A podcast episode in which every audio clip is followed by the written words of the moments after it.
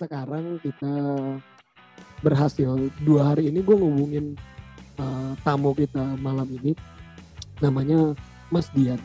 Mas kalau di logonya sih Mas Dian SR ya, gue nggak tahu kepanjangannya. Kayaknya kayaknya Dian spiritual nih kalau gue ngeliat. Kayaknya ya. Or karena de, karena kita manggilnya Mas padahal Tuhan gue Dian SR ini kayaknya Dian senior. Kayaknya. Betul. Dian Junior belum tampil. Mungkin mungkin episode berikutnya Dian JR yang tampil. Dian JR. Ini Dian SR. Oke. Sekarang kita uh, tadi sebelum sebelum ini take take podcast ini uh, dimulai gitu kita sempat ngobrol-ngobrol sebelumnya mau ngomongin apa sih ngomongin tadinya gue ngebahas um, ngebawa ke arah changing career karena kalau ngelihat dari apa figurnya Mas Dian gitu uh, buat yang belum kenal mungkin kalau yang udah kenal bakal ngelihat Mas Dian tuh banyak banyak perubahan gitu dalam aspek karirnya. Walaupun kalau dia ngomong ah enggak ini mah nggak ada nggak ada passion nggak ada apa tapi ternyata tadi sebelum kita uh, take podcast ini kayaknya kita ngelihat kita sepakat juga gitu kalau dalam karirnya dia ini ada benang merahnya. Nah mungkin uh, ke depannya podcast, apa podcast ini uh, episode kali ini episode ke-6 kayaknya dalam bisnis and psychology series ini uh, kita bakal ngebahas tentang orang yang banyak perubahan dalam karirnya gitu. Nah, arahnya ke mana nanti teman-teman mungkin bisa bisa dengerin atau ikutin kita aja ngobrolnya kita akan ke mana gitu. Karena kita sendiri juga nggak tahu nih ngobrolnya bakal ke mana. Cuma seperti tahu biasa. aja. Ya, seperti biasa kita uh, riding the wave nggak tahu ntar jadinya ombak yang ngebawa ke pulau atau kita malah tenggelam gitu. Kayak bebas aja gitu ya. Nah sekarang mungkin pertanyaan pertama gue ke Mas Dian. Lu kan sekarang lagi bekerja di bidang yang uh, bidang yang bergerak di bidang ini kali ya. Bidang yang bergerak di bidang bidang gue gue kayak deg-degan ngadepin senior dah agak gimana gitu nggak iya. kayak lu biasanya sih. Iya gue jadi agak belepetan gitu kayak kayaknya gue harus ganti profil picture ini ya. Teror beneran gitu intimidasi gitu udah zoomnya minjem bangsat. Gara-gara zoomnya gak diurus gitu kan. Jadi ini zoom minjem nih. Kita masuk kantor orang pakai Zoom terus diupload di Spotify. Ini benar-benar ini banget sih multi ini ya multi device gitu ya. Iya multi multi platform plus uh, cross device gitu. Uh. mungkin pertanyaan pertama kayaknya ini kali mas. Uh, apa yang bikin lo uh, mengubah-ubah gitu karir lo? Uh, dari mulai pertama sampai sekarang gitu. Karena kalau ngobrol sama anak sekarang kan anak sekarang kan nyarinya purpose passion gitu lah walaupun mereka baru kerja tiga bulan lima bulan mereka bilangnya gue nggak dapat purpose gue kerja di sini gitu kan. So itu kayak hmm. legitimasi mereka untuk jadi kita bilangnya mungkin kutu loncat kali ya. Jadi gampang banget pindah-pindah nah on the other hand si lu kalau gue ngeliat lu kayaknya lumayan lama gitu. Lu ada di satu tempat atau di satu perusahaan sebelum sampai nanti pindah lagi perusahaan-perusahaan perusahaan selanjutnya apa yang yang bikin lu pindah atau apa yang bikin lu stay kali? Uh, gimana ya? Uh, sebenarnya ini uh, gue baru per Februari berarti sampai sekarang berapa? Tiga empat bulan ini hmm. pindah role lagi dari di kantor gue yang sekarang gitu ya. Dan hmm. gue pak waktu pindah role itu gue sempet ngobrol sama salah satu senior gitu ini kalau kalau belum dipindah kemarin malah kemungkinan besar itu udah masuk ke siklus gue resign itu. Itu udah dua setengah tahun sampai tiga tahun tuh gue biasanya biasanya udah masuk ke kayaknya ke mana lagi nih ya gitu.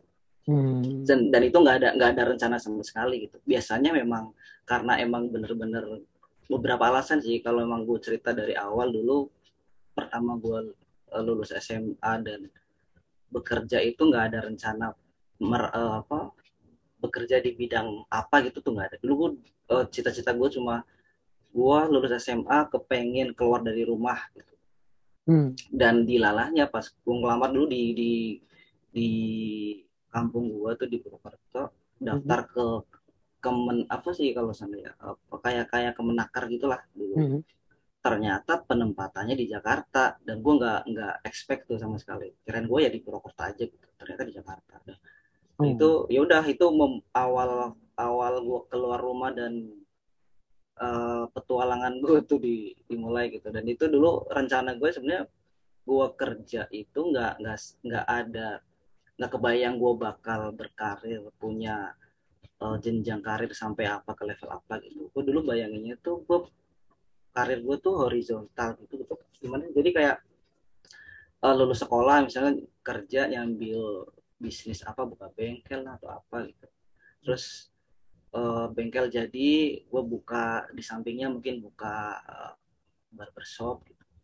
Hmm. jadi lagi misalnya buka buka studio musik lah terus buka uh, PS lah atau apa pun jadi jadi uh, kayak gitulah intinya. Terus terus itu misal jalan semua jadi passive income terus gue ya pengen gak ngapa-ngapain ya sekedar sekedar mancing atau mancing belut di sawah gitu atau sekedar apa gitu. Pokoknya uh, rencana gue ya pengen ada passive income terus gue nggak ngapa-ngapain gitu ngelakuin yang gue suka aja apa tanpa mikirin tanggung jawab yang lain. Nah dulu setelah ke Jakarta gue rencananya ternyata itu pas masuk ke salah satu retail besar waktu itu tuh uh, eh, gue baru nggak tahu di situ ternyata ada jenjang karirnya tuh. Udah waktu itu gue memutusin untuk ninggalin kuliah dulu karena oh ini ternyata menarik nih di di situ itu ada misalnya dari dari pramu tuh dari tukang sapu terus sampai ke nanti jadi asisten kepala toko lah misalnya sampai kepala toko sampai koordinator sampai nanti uh, uh, akun apa area manager sampai nanti GM gitu. Tuh karena tahu ada ada ada ada jenjangnya ternyata dan menarik gitu. Nah, dulu gue oh udah gue serius nih di sini nggak nggak uh, nggak nggak mau kerja nggak mau sambil kuliah deh serius dulu di situ. Ternyata tuh bertahan 4-5 tahun itu gue nggak nggak expect tuh kalau sampai untuk ke jenjang karir yang meningkat meningkat itu ada office politiknya tuh lumayan kejam juga gitu kan. Oh. Dan itu gue nggak nyaman tuh udah mulai nggak nyaman karena emang ya itu gue nggak nggak kepeng di balik lagi ke awal gue pengen nggak melakukan apa-apa sementara gue hidup hidup tenang gitu sementara uang gue masuk dan nggak gue mau nggak mau direpotin sama urusan macam-macam gitu dan ternyata uh, ya tuntutan di dunia retail tuh gampang di targetnya gede lah habis itu office politiknya kencang juga apalagi perusahaan besar gitu kan hmm. terus akhirnya gue balik lagi nih kayaknya gue udah nggak cocok nih di sini gue cari balik lagi ke uh, mundur lagi ke waktu SMA nih kayaknya gue harus lanjut mundur lagi terus uh, masuk kuliah dan cari kerjaan yang lebih yang lebih uh, office hournya lebih jelas gitu sabtu hmm. minggu libur buat nyambi kuliah akhirnya gue dapet tuh di dari teman sih uh, teman dulu salah satu uh, teman di retail itu juga yang rekomendasiin gue ke BUMD kalau bisa dibilang ya jadi ada hmm. ada ada kantor cabang gitu uh, pemasaran kawasan industri di uh, Sulawesi provinsi di Sulawesi lah gitu buka kantor cabang pemasaran di Jakarta nah gue masuk ke situ. Itu ternyata bertahan dua tahun juga gue nemuin hal yang gak cocok juga ternyata tuh oh, pemerintahan itu waktu itu itu uh, ya ya benar kalau dibilang orang bahwa saat itu ya tanpa tanpa mengeneralisir dan lain-lain hmm. itu orang kerjanya cuma absen gitu terus terus uh, apa makan uang uh, eh, SPD SPD aja gitu ya dan itu hmm. beda banget sama pengalaman gue beberapa tahun di swasta kan swasta itu benar-benar kerja ya kerja bahkan uh, apa lembur gitu kadang-kadang nggak dibayar gitu untuk dapat uang lembur aja harus berjuang ke HRD itu seperti apa gitu. nah itu gue nggak kayak nggak ngapa-ngapain absen aja atau gajian gitu beda banget kan itu nggak bikin rumah gue kayak jadi gue makan uang pajak orang nih kayak gini nih nggak nggak nggak ini nggak nggak sesuai. Ya betul. Akhirnya ya udah gue pindah tuh terus ketemu ke uh, salah satu uh, di situ lu berapa lama mas tadi yang di BUMD itu? Dua tahun setengahan kurang lebih. Ya. Hmm uh, terus, terus pindah ya. ke uh, pindah ke uh, salah satu uh, uh, mungkin kalau dibilang consulting company gitu ya gitu hmm. yang yang dibuat oleh salah satu guru besar di kampus uh, di Jakarta kampus besar gitu.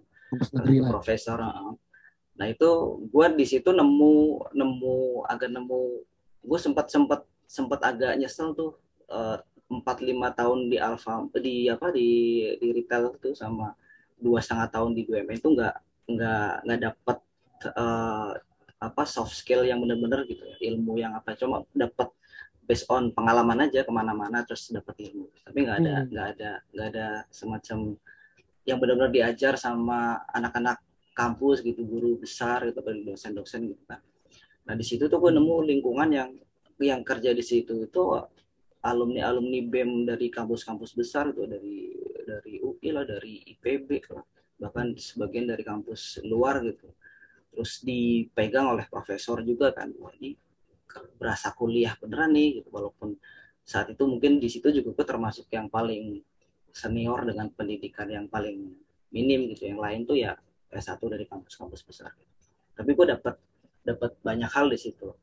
Jadi gue merasa uh, sekian tahun yang gue tinggal melepas kuliah itu dapat di situ walaupun nggak ada ijazah dan lain-lain. Dan uh, setelah itu dari situ gue ditawarin sama teman alumni uh, consulting itu juga. Mm-hmm. uh, dia mau buka bisnis terus kita ngobrol panjang kan. Kalau gue punya pengalaman di retail tuh cukup lama.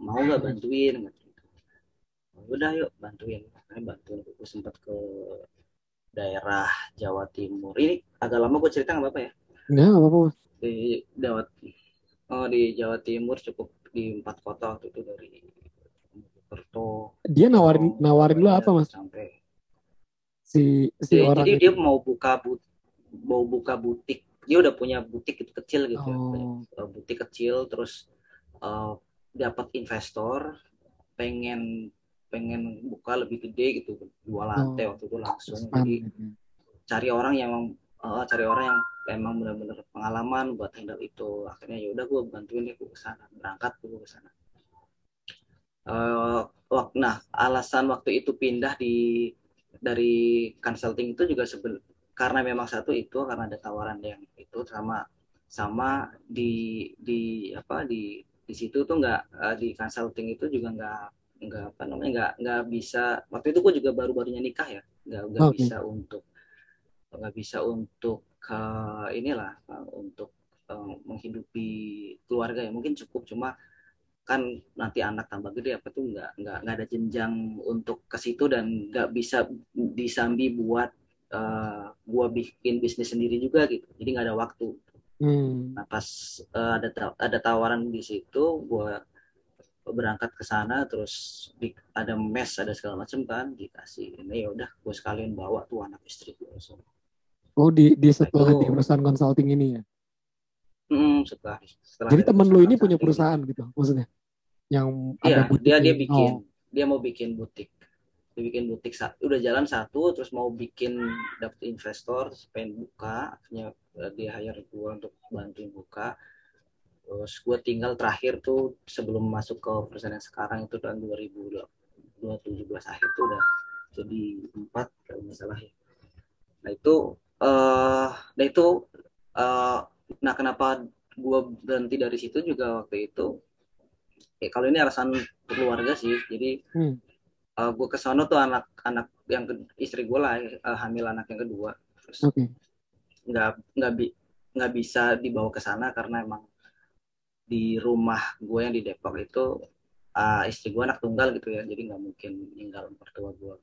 Jadi hmm. gue nggak mungkin LDR juga uh, bertahun-tahun akhirnya ya udah gue terpaksa balik ke Jakarta ninggalin yang di sana gitu. Dan waktu resign juga gue nggak nggak nggak ada rencana pengen apa namanya pengen kerja di mana dengan ada bayangan. Itu bayangannya gue ya udah udah gue resign cari job apa kak uh, nyupir apa ngojek apa apa gitu karena emang gue nggak ada basic nggak ada ijazah dan lain-lain jadi gue ngelamarnya juga yang yang sesuai uh, sesuai ijazah gue lah waktu itu gitu. Mm-hmm.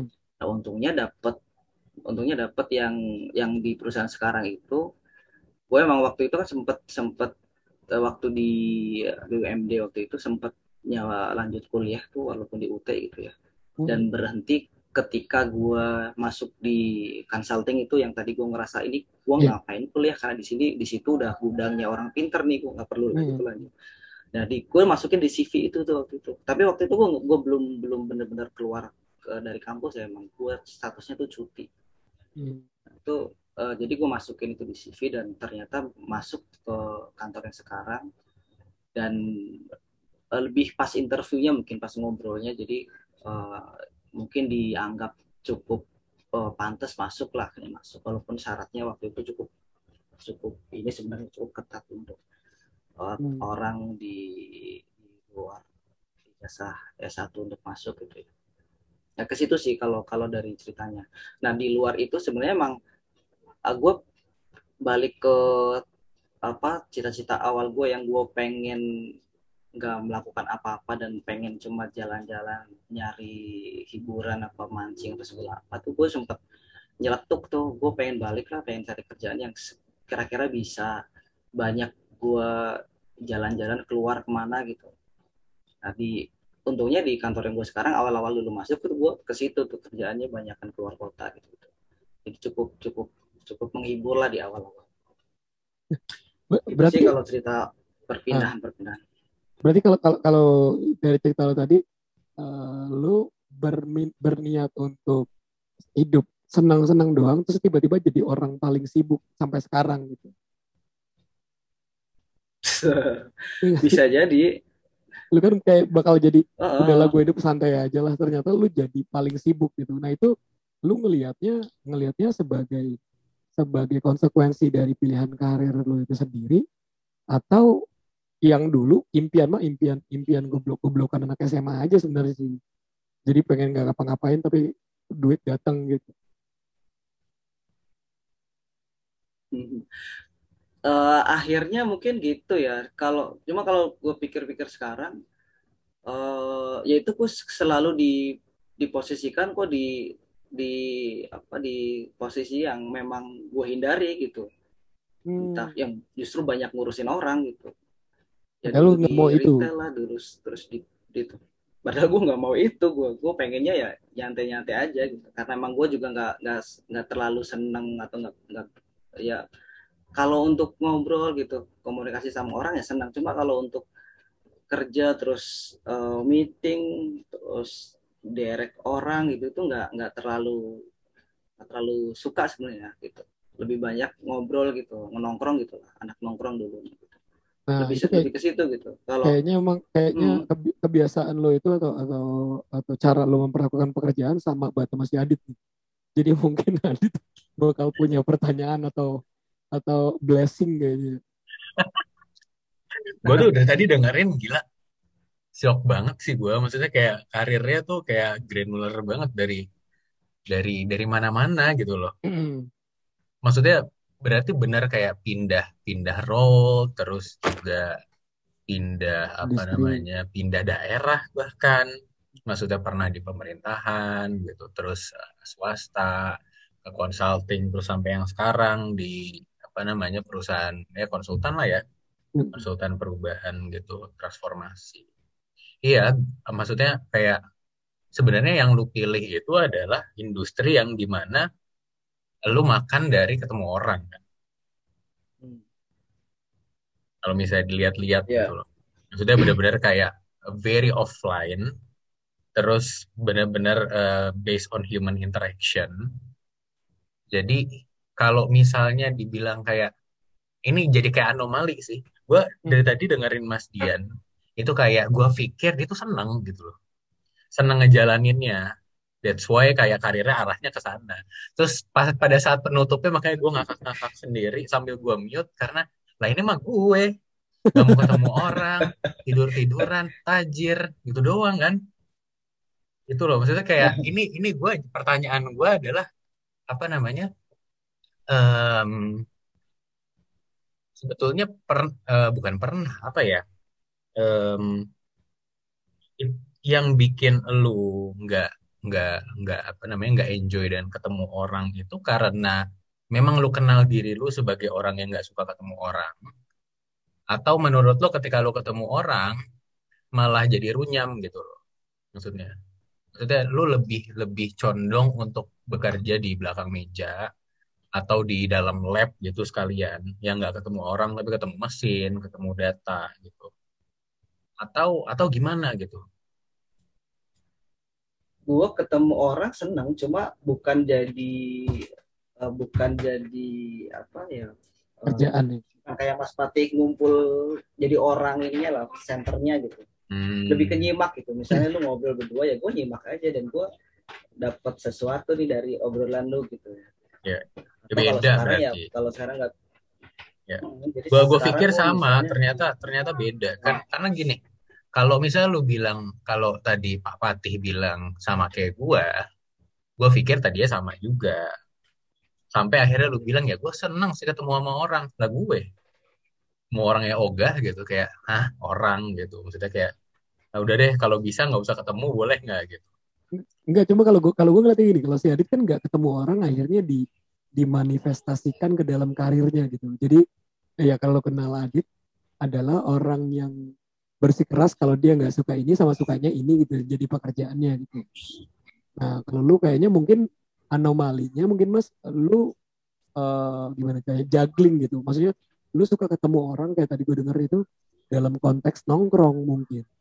Nongkrong ngopi ngerokok gitu ya. Ngomong ngomongin musik mungkin atau ngomongin bisnis.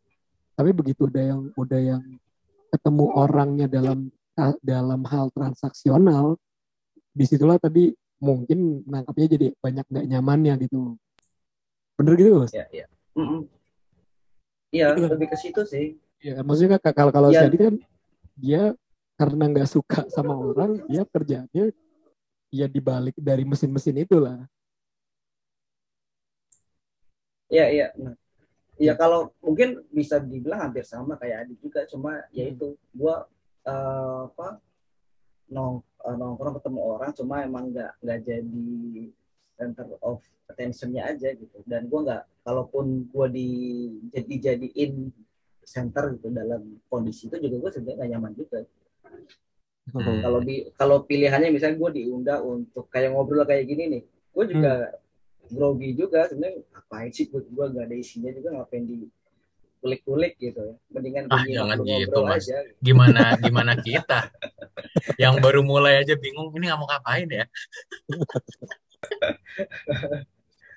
nah, ya gue kemarin bilang Mas Fatih gitu, lu ngapain ngajak? Lu kok sosok nggak ada dia yang bisa diulik. ya kan, gue kan kalau ngajak orang nongkrong mau ngerokok kan memang nyari yang sama kayak gue kosong juga. Ya, ya. Tapi itu sih kalau kalau kalau yang uh, yang bikin gue mungkin kalau tadi adik nangkepnya gue kayaknya kalem-kalem aja gitu. Beda-beda uh, pindah-pindah kayak gitu tuh. Gue uh, ngebawanya gini sih apa namanya gue nggak mau di banyak direpotin orang. Cuma kalau kondisinya meminta gue untuk tidak merepotkan orang juga misalnya teman gue sekarang uh, posisinya memang dikasih tanggung jawab untuk pegang uh, salah satu divisi misalnya atau memang kerjanya untuk ketemu orang gitu. Tapi gue bayangkan kalau gue di posisi dia terus um, um, merasa direpotkan sama orang juga gue nggak mau. Makanya kalau ketika apa pun di kondisinya gue yang di pekerjaan gue yang sekarang atau sebelumnya ya gue memposisikan bahwa gue harus uh, bisa membuat uh, siapa rekan atau klien yang sedang berhubungan sama itu bisa nggak merasa direpotkan juga dengan kehadiran gue gitu. jadi jadi gitu sih. Jadi ya uh, apa jadinya? Lebih gue pengennya mereka nggak nggak merasa uh, nyaman lu jadi beban gitu ya? intimidasi uh -uh, gitu. Dan nanti gue balik lagi ke rumah juga oh, kan gue ngapain ya? Gitu. Paling gue gitu gitu ya hmm. kalaupun gue jadi dia juga ngapain gue ketemu orang kayak gitu nggak nggak enak banget diajak ngobrol apa gitu. Kadang-kadang mikir gitu juga jadi gue sebisa mungkin kalau emang tanggung jawab gue menuntut untuk gue bersi apa bertindak yang di luar keinginan gue gitu demi profesional atau demi perasaan dia juga gue nggak nggak masalah juga sih. Toh nanti gue balik lagi di rumah juga gue enak-enak gitu. Kalau gue sih lihat ada ada poin yang uh, yang bisa diambil pelajaran dari cara lo menangani pekerjaan justru adalah itu gitu mas maksudnya hmm. orang kayak gue atau orang kayak Adit itu kita masih punya opsi ketika kita nggak suka sama pekerjaan ya kita rela rela ngelawan tanda kutip gitu loh mungkin itu yeah. di, di level tertentu kalau gue mungkin akan jadinya nggak profesional gitu gitu karena gue gue nggak mau pokoknya misalkan gue kayak lo gitu ya gue maunya pokoknya gak ketemu orang gitu. Karena gue punya pilihan. Bahkan ini terjadi kalau gue ngeliat dari cerita lo terjadi bahkan sebelum lo berkeluarga gitu. Jadi kalau gue ngeliat malahan kalaupun obrolan ini tadi tarik apa sih bisa banyak dipelajari dari lo adalah uh, tanggung jawab lo gitu. Maksudnya tanggung jawab sampai di level ekstrim gitu. Lo nggak suka sama bidang mungkin dan nggak suka sama nggak suka sama apa uh, bekerjanya gitu yang kebanyakan ketemu orang lu tapi lu bisa ngelawan itu gitu dan tetap ngasih ngasih hasil yang bagus gitu kalau gue ngeliat. Tapi ada juga sih posisi yang gue terpaksa harus um, ya konfrontasi lah bisa dibilang gitu. Mungkin di tempat uh, eh, gue dulu Mas Fatih masih join itu gue sempat beberapa kali harus ditengahi sama HRD dan Mas Fatih harus turun tangan langsung ketika gue beberapa kali menolak ajakan bos gitu kan diundang meeting gua. Suruh mijit ya suruh mijit. Saya nggak mau mijit lah pokoknya gitu. Iya gua awal-awal ya gitu beberapa kali di diajak ngobrol juga angkat mata sama hmm. uh, bos gitu. Ini lo, kenapa sih eh, nggak uh, mau ikut aturan sini? Aturan hmm, iya. kantor gitu. Terus di uh, berapa kali juga dipanggil sama HRD waktu itu. Didampingi Mas Fatih juga kalau nggak salah tuh oh lo kenapa ada POD manggil kok lo lebih milih di luar sama klien gitu? Sampai berapa kali gitu. Hmm. gitu. Jadi gue merasa gue ini sih gue gue tinggal bilang pak ini uh, prioritas uh, pekerjaan saya itu kayak sekarang di sini. Tinggal berargumen aja sih kalau yang ternyata salah harusnya gitu ya ya emang kita uh, bawahan harus nurut ya intinya itu balik lagi ke situ sih dan mungkin yang yang yang bikin gue agak agak bisa bisa kompromi sama berbagai kondisi di perusahaan emang di awal gue sadar sih kalau memang kita kerja itu di kantor siapa pun atau di mana pun kita ada aturan masing-masing yang ya. kita nggak boleh nggak boleh naruh ego kita di situ gitu dan gue gue memang lebih milih mendingan gue nggak terlalu banyak inisiatif atau banyak ide atau dan lain-lain karena pasti nanti kalaupun ide diterima kita harus eksekusi sendiri. Kalaupun harus berargu argumen juga kita harus effortnya gede lah. Hmm. dan itu nggak ngubah apa-apa. Jadi gue mending ya udah kerja sebisanya uh, ya se, se, setanggung jawabnya kita. Yang penting uh, dituangkan gitu. Terus uh, yang penting nggak sampai nggak uh, sampai ini nggak sampai merugikan kita ataupun perusahaan gitu kita jalanin gitu. Tapi bukan berarti gue juga iya iya doang sih. Gue sama yeah, yeah. timnya Mas Fatih dulu juga tanya beberapa kali juga kita uh, sorry ya Mas gue nggak bisa gitu. Juga kayaknya sering uh, tim yang lain juga kayak sering. Ya yeah. ya debat-debat sehat lah. Mm -hmm.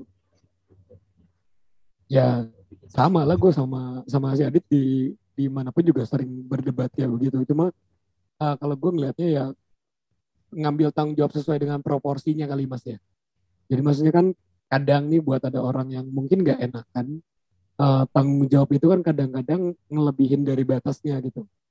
Iya betul iya, karyawan ya, ya. memang harus nurut. Tapi kan nggak ngelewatin dari batas nurutnya itu sendiri kan.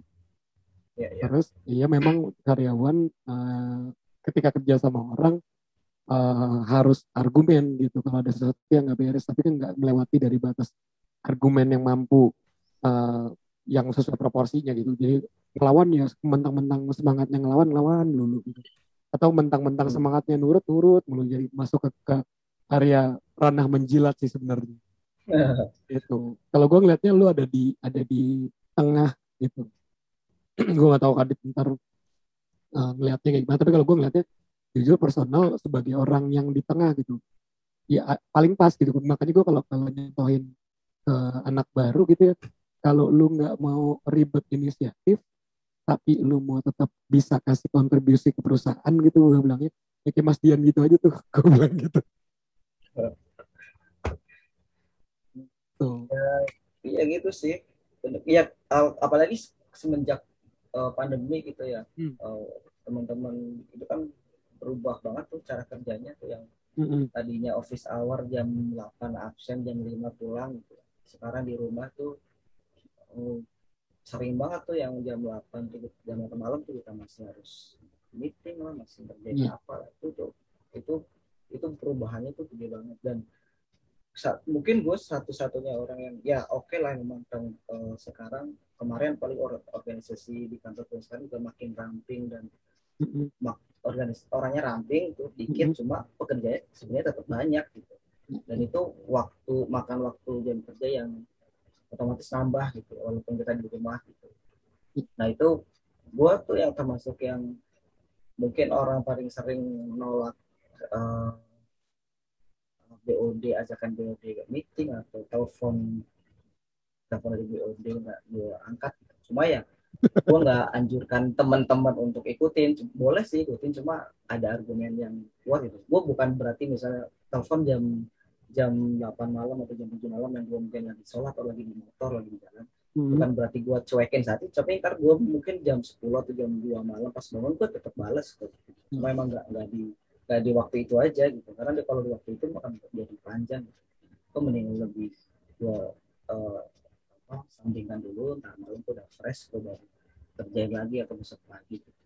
tetap yeah. gue lakukan tanggung jawab walaupun emang walaupun emang uh, overtime-nya tuh nggak ini ya nggak nggak kehitung gitu tapi ya karena emang tuntutan setelah pandemi itu berubah banget dan jam kerjanya juga berubah banget ya menyesuaikan juga sih Nah, kalau gue kebetulan kan ada di industri yang eh, yang mau nggak mau masih ketemu orang nih mas. Jadi nggak nggak bisa. Jadi gue sebenarnya nggak ada nggak terlalu berasa gitu pandemi atau nggak pandemi gitu. Nah kalau di lu nih yang yang kayak adik kan udah fully WFH. Kalau lu yang dari dari awalnya WFO 100% WFO tiba-tiba jadi 80% WFH.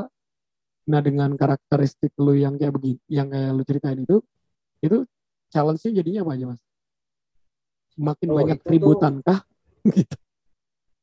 Itu uh, banyak sekali ini ya adjustment dari dari tadi mungkin dari dari pola kerja, terus dari teknologi yang dipakai, terus mm -hmm. dari dari role juga karena orangnya tambah sedikit dan kerjaan tetap banyak juga uh, makin makin banyak butuh penyelesaian di mana-mana gitu dari dari sistemnya harus semakin kuat gitu kan karena online semua hmm. dia harus disiplin banget terus dari yang tadinya dulu kan gue masih masih di project management gitu hmm.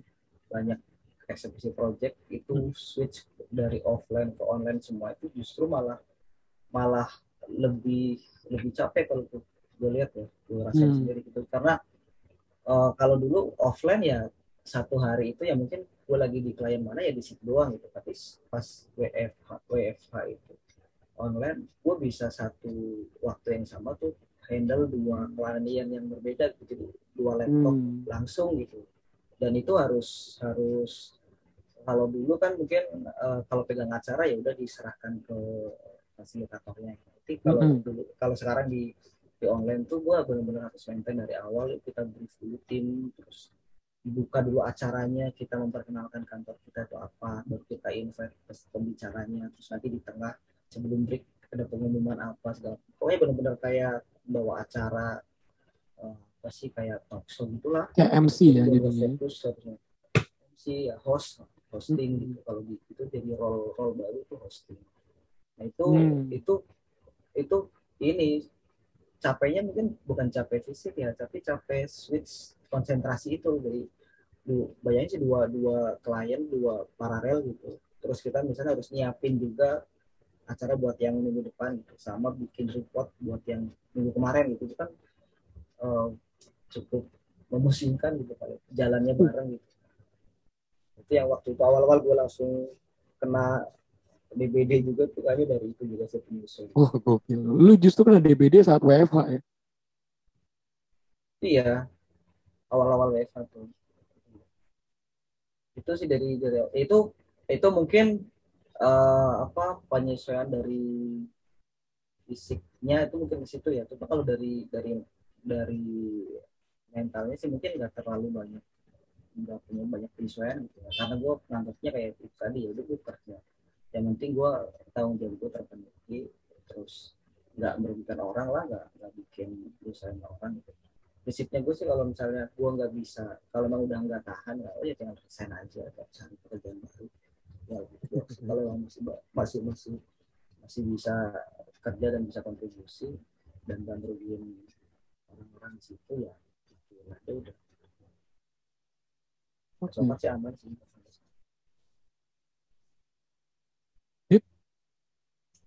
Gue sampai speechless gue hari ini tuh episode di mana gue diem doang sih oh iya lu biasanya lu banyak ini. Parah parah parah. Jadi dia bawa 80 persen jadi jadi gue tuh gini gue tuh bingung kenapa orang yang punya kompetensi sebesar lu gitu masih kayak mikir ah apalah gue gitu. Eh, kayak kayak rendah dirinya tuh tinggi banget. Padahal kalau lu dibandingkan sama orang-orang lain gitu employee-employee lain even yang yang gue alamin selama masa kerja gue lah itu lo kayak top one, masuk ke top 5% sih orang-orang yang benar-benar menjaga profesionalitas dan dan bisa beradaptasi gitu some people ada yang mental breakdown kan ketika iya. nggak hmm. suka sama situasi terus harus apa namanya harus apa ya istilahnya harus mengalami apa yang lu alamin juga gitu loh dan kalau misalnya gue di posisi lo, gue nggak ngerti sih.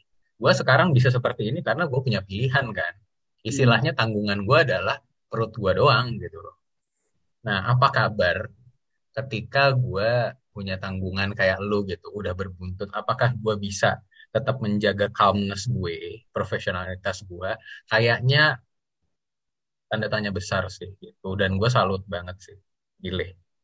Parah, parah gue malah justru gue dari tadi gila banyak banget belajar sih gue tadi kayak oh my god gitu gila parah kalau gue gini malah justru kebalik sih. Kalau uh, di ya di kantor sekarang juga banyak yang uh, uh, ya biasalah di belakang kita gibah-gibah gitu kan. Terus uh, siapa sih? udah. Yang ada yang yang udah nggak pengen pindah lah atau emang stay karena kondisi tertentu lah gitu. emang nggak ada pilihan kalau gue sih tinggal balik aja balikin aja ke ke ke lu pengennya kayak apa gitu. Kalau emang hmm. kalau memang memang masih kuat dan passion gitu atau emang suka ya lanjut. Kalau emang enggak ada kok di luar jalannya. Gue udah pengalaman gitu. Maksudnya gue keluar tanpa ada backup mau ke mana mau ke mana juga ada ininya ada ada ya ada aja gitu. Apa yang bikin eh, mas apa yang bikin lu pede untuk resign atau iya maksudnya lu ngelihatnya lu resign sama lu kerja itu segampang itu aja gitu kalau gua ngeliatnya ya. Selain karena lu nggak punya pengen macam-macam kali ya mungkin. Apa yang bikin bikin lu itu nyantai? mungkin bener iya. Ya mungkin itu. Gue juga sebenarnya kadang-kadang uh, menggerutu juga sama diri gue sendiri kenapa gue nyantai ini gitu. Gue pengen juga punya punya punya excitement gitu ya uh, ambisi gitu kayak kayak ya umuran di di umur gue mas mungkin yang lain mungkin udah udah punya rumah sendiri mobil sendiri lah udah udah katakan petenteng ke mana-mana lah gitu sementara hmm. gue masih enjoy enjoy aja di titik ini ya gue syukuri sih anak gue sehat istri gue sehat gitu. hmm. semua sehat gitu. cuma ya di sisi lain kok kenapa sih nggak nggak nggak effort lebih keras gitu di di kemarin-kemarin biar saat di umur sekian mungkin lu udah udah bisa mudik sendiri pakai mobil gitu. Atau jalan-jalan gitu. Itu kan itu kan gagah juga gitu. Cuma ya ya itu sih gua ya itu juga yang yang nggak bagus buat dicontoh juga sih. Nggak hidup tanpa apa ya tanpa apa ekspektasi atau tanpa apa gitu. Itu sebenarnya nggak ya mungkin bagus di sisi lain cuma nggak bagus juga buat buat yang lain juga. Gitu, kalau emang kalau buat ujung gitu di oh ini jadi jadi kayak uh, tawakalnya deh itu bagus. Cuma kalau di awal gitu di di awal kita setting goal atau setting career plan gitu itu harusnya ada ada excitement yang gua juga cari sebenarnya pengen Nah, itu yang sebenarnya gue juga nggak nggak nggak pengen ya pengen punya ambisi dan lain-lain itu juga. Itu sih gue bingung Enggak, gue mungkin terlepas dari gue udah kenal gitu. Cuma uh, kalau ngelihat dari pola pikir lu, kayaknya lu justru lagi menuju uh, tujuan yang lain gitu gini mas. Misalnya gini, di sekarang tuh di kantor-kantor itu, gue nggak tahu di Indonesia udah ada apa belum gitu. Ya. Kayak ada ini loh, uh, tolak ukur sehat secara mental gitu. Jadi uh, sekarang itu kalau ngelihat perusahaan itu berhasil atau enggak, ada indeks lain selain dari happiness atau apalah kayak uh, terus achievement dan lain-lain atau KPI itu ada ada indikator lain namanya kesehatan mental lu gitu. Nah kalau kalau gue ngeliat lu gitu ya, gue bingung mau, mau lu mau dibilang tidak seprofesional apa lagi gitu. Lah definisi profesionalnya kan bukan berarti harus lembur tiap hari kan. Kalau gue malah pengennya kayak lu dulu gitu ya. Ya profesional kan berarti kan masuk jam 9 pulang jam 5 gitu. Lu bisa tertib dengan itu gitu. Mungkin buat orang kayak gue ah telat lah tapi nanti gue bayar gue malam. Tapi sebenarnya kan gue pulangnya malam maksudnya. Tapi sebenarnya itu kan nggak sehat gitu. Justru harusnya ya kalau yang profesional ya harusnya kayak lo gitu. Kayaknya kita udah mulai kalau gue ngelihatnya entah bawaan dari generasi lampau terus masuk ke generasi baru ada konteks yang berubah sih.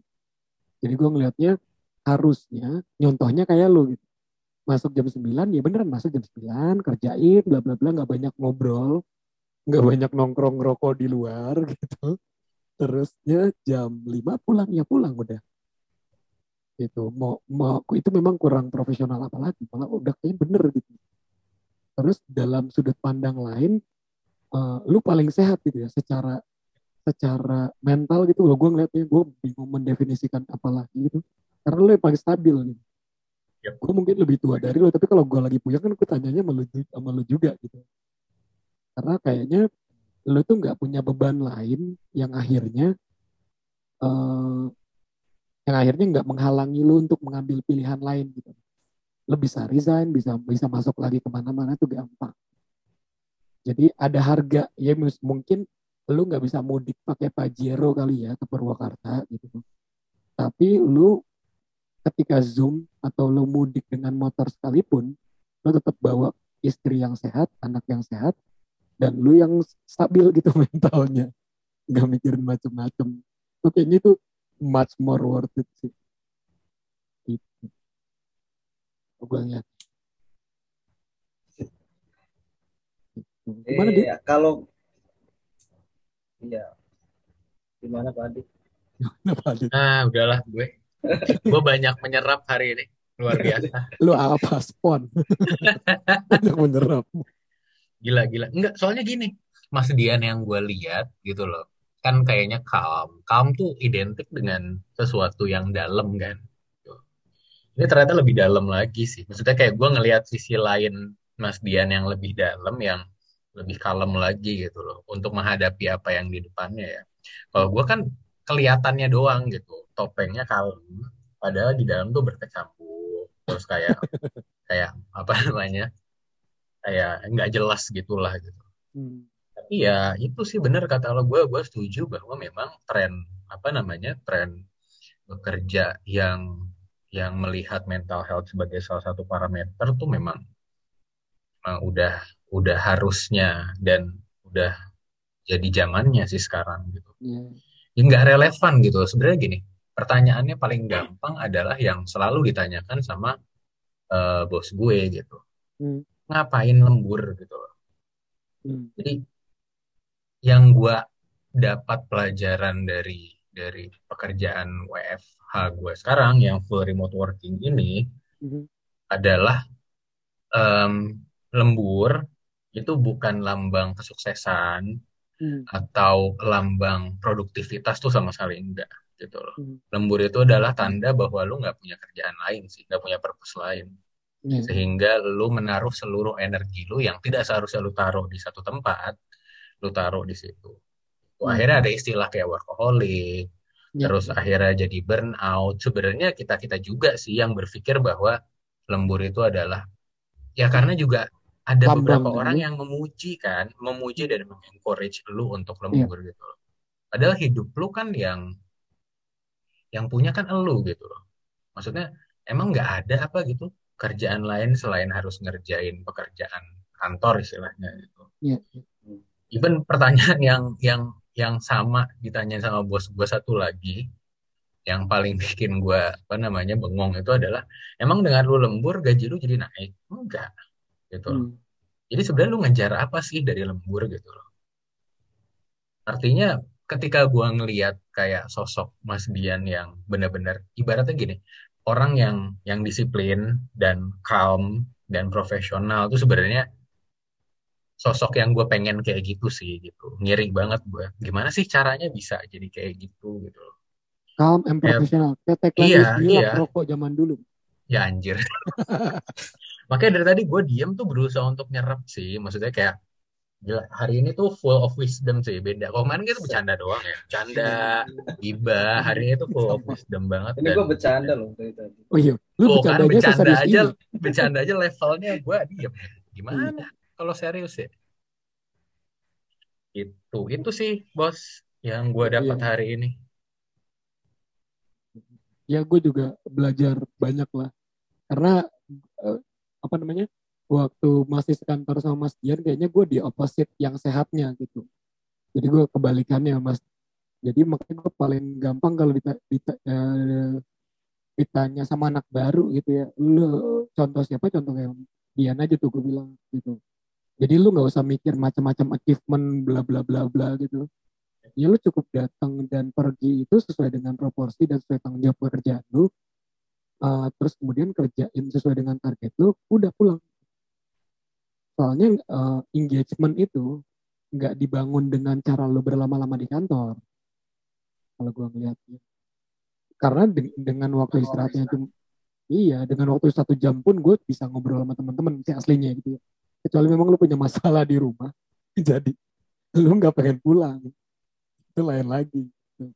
Nah, kalau gue ngeliat paling contoh paling ideal ya Mas Dian lah. Jadi kalau kalau ntar gue bikin cover podcastnya gambar batu zen kali. ya. Oh batu-batu yang disusun ini ya, iya, nggak kan lu jatuh ya. batu ya. Nah itu dia nih. Kalau gua kalau gua kan batu refleksi nih ya, yang diinjek sama orang. Orangnya sembuh, gue aja mendem. Yang sakit kakinya. Iya.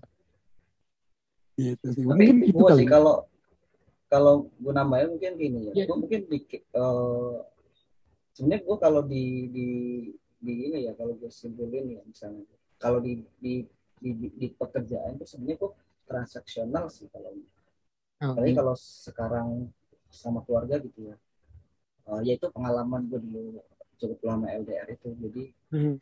eh, waktu gua yang misalnya lembur 2-3 jam itu yang harusnya mungkin di rumah sama anak gua main nemenin belajar Ya. dan lain-lain gitu nggak bisa dibayar sebulan gaji gitu jadi Ya. jadi itu yang yang jadi batasan gua sebenarnya kalau emang lu mau minta gua lembur ya ya gua mau cuma ya lu sanggup nggak bayar waktu gue sama anak-anak gue tapi gue nggak pernah eh, secara ini Pak, ngomong gitu cuma gue ya ini apa namanya di kantor emang sebuah manfaatkan betul jam kerja gue ya mungkin kalau dulu kita sering nongkrong mungkin gue di awal-awal juga sering ditegur tuh sama Hmm. sama bos tuh. Lu kenapa sih di makan siang di kantor eh, waktunya apa lu duduk di tempat duduk mulu gitu ngobrol tuh di luar itu sama sama teman-teman seperti itu. Itu. Ya itu karena di jam kerja gue emang gue pengen menyelesaikan tanggung jawab gue di waktu itu biar nanti pulang iya. kerja di rumah itu gue udah emang nggak mau diganggu lagi gitu. kalau emang misalnya belum kelar ya gue bakal bakal tetap pulang on time dan gue lanjutnya di rumah gue tetap lanjutin cuma gue pengen tetap pulang on time itu yang dari dari dari awal gue batasannya itu nah kalau untuk untuk bisa eh, apa sih eh, menerima kondisinya sih gue dulu ada terapi sebenarnya mungkin terapinya umum sih jadi setiap hari itu apa coba syukur coba bersyukur untuk lima hal yang apa lima hal yang bisa kamu syukuri hari ini lah tiap hari Hmm. itu gue sempat sempat dulu awal-awal tuh gue denger tips itu dari siapa kalau nggak salah dari Dian Sastro atau dari siapa Mhm. coba deh sebutin tiap bangun pagi itu apa lima hal yang lo bisa syukuri eh sederhana Hmm. masih bisa nafas lah masih bisa pipis lah masih bisa apa atau masih bisa lihat bapak ibu sehat lah gitu. Lebih ke situ sih. Itu nah itu yang mungkin eh, bisa bisa apa nggak nggak nggak terlalu bikin gua gampang apa ya justru ter- terlalu slow malah kalau kalau udah over slow gitu kan kayaknya situ sih. Gue pengen sekarang malah menumbuhin eh, antusiasme ambisi dan lain-lain itu Hmm.